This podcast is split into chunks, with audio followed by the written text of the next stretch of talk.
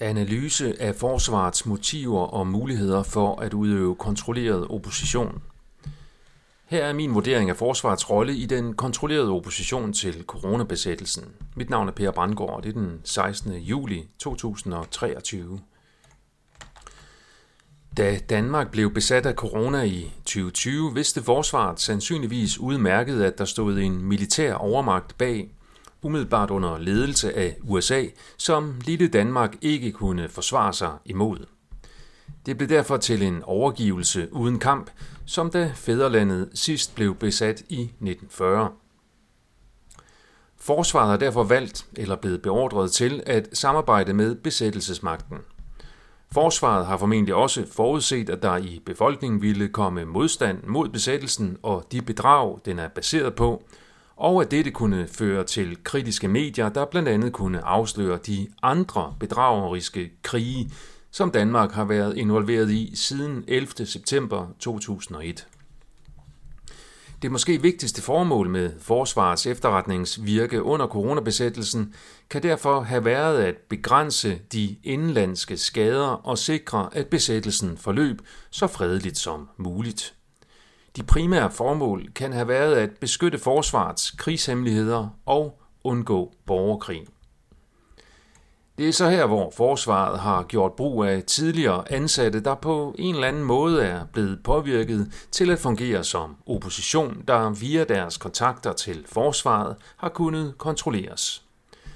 Det gælder her om at rekruttere personer med den rette personlighedsprofil, så de ikke skal lyve for sig selv mere end højst nødvendigt. Det er min opfattelse, at Karolina Simonsen og Josef Blytner fra starten af coronabesættelsen har været nogle af forsvarets nøglepersoner i deres del af den kontrollerede opposition i Danmark. De har begge en fortid hos forsvaret, og de var hurtigt ude og stifte Free Observer som et tilsyneladende kritisk medie med en overraskende professionel og omkostningstung produktion. Dette medie afslørede dog intet, som andre ikke i forvejen havde bragt frem i lyset, og Free Observer undgik fuldstændigt at forholde sig kritisk til Danmarks krigsaktiviteter siden 9-11.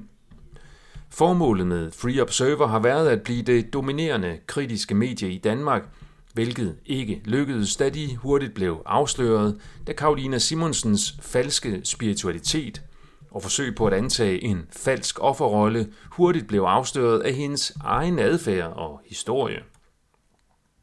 Josef Blytner har den samme kommunikationsstil som Karolina Simonsen, som jeg betegner som spirituella. Den virker lige så indøvet og gør brug af de samme virkemidler om konstant fokusfjernelse og indgydelse af falske håb og forførelse til ineffektive taktikker mod besættelsesmagten. Josef Blytner er faktisk kun klar i spyttet, når han taler om sin målgruppe, der er dem, der er vågne uden at være konspirationsparanoide. Det skal i parentes bemærkes, at de konspirationsparanoide bliver håndteret og forført af andre dele af den kontrollerede opposition, der primært opererer globalt via alternative og sociale medier. Josef Blytners mentorarbejde for voldsparate elementer i Men in Black er på sin vis prisværdigt, da det kan have forhindret en del vold og borgerkrig. Men in Black er dog i sig selv kontrolleret opposition, formentlig med en Scientology-mand som initiativtager og organisator. Det forlyder, at Scientology, ligesom de militante sionister, såsom Chabad Lubavitch-sekten, har deres egen efterretningstjeneste, der udfører lyssky operationer, som PET ser igennem fingre med, eller decideret samarbejder med dem om. Josef Blytner har på tilsvarende vis infiltreret gruppen af coronakritiske soldater og veteraner, hvorved han har kunnet bidrage til at forhindre borgerkrig. Forsvarets formodede forsøg på at kontrollere oppositionen giver god mening, selvom strategien er baseret på at give op. Det er et klassisk princip inden for krigs- og kampkunst, at man skal lade være med at kæmpe de kampe, som man ikke kan vinde. En borgerkrig anført af en mindre gruppe mænd en black hooligans og veteraner ville formentlig ikke have ført til noget som helst gavnligt. Det giver derfor god mening, at forsvaret via deres agenter har bidraget til at forhindre dette blodbad. På samme måde giver det også god mening, at forsvaret ikke har ønsket at slås mod USA og kompagni, da overmagten simpelthen er for stor. Det eneste problem er, at det danske folk bliver fastholdt i en løgnehistorie om, hvad corona var og stadig er. Selvom sandheden er mørk og dyster, så har vi krav på at få sandheden om coronabesættelsen at vide. Sandheden er blandt andet, at forsvaret blev besat før folket blev besat. Derfor har forsvaret heller ikke beskyttet os under denne besættelse, og vi skal ikke forvente nogen hjælp fra den front i fremtiden.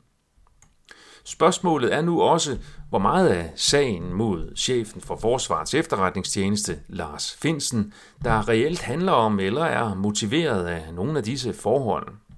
Kan han have ønsket at kæmpe imod besættelsen, eller i det mindste oplyse danskerne om den, så Barbara Bertelsen og Mette Frederiksen måtte tage ham ud af magtspillet? Jeg ved det ikke, og hans tavshedspligt forhindrer ham i at fortælle os den fulde sandhed.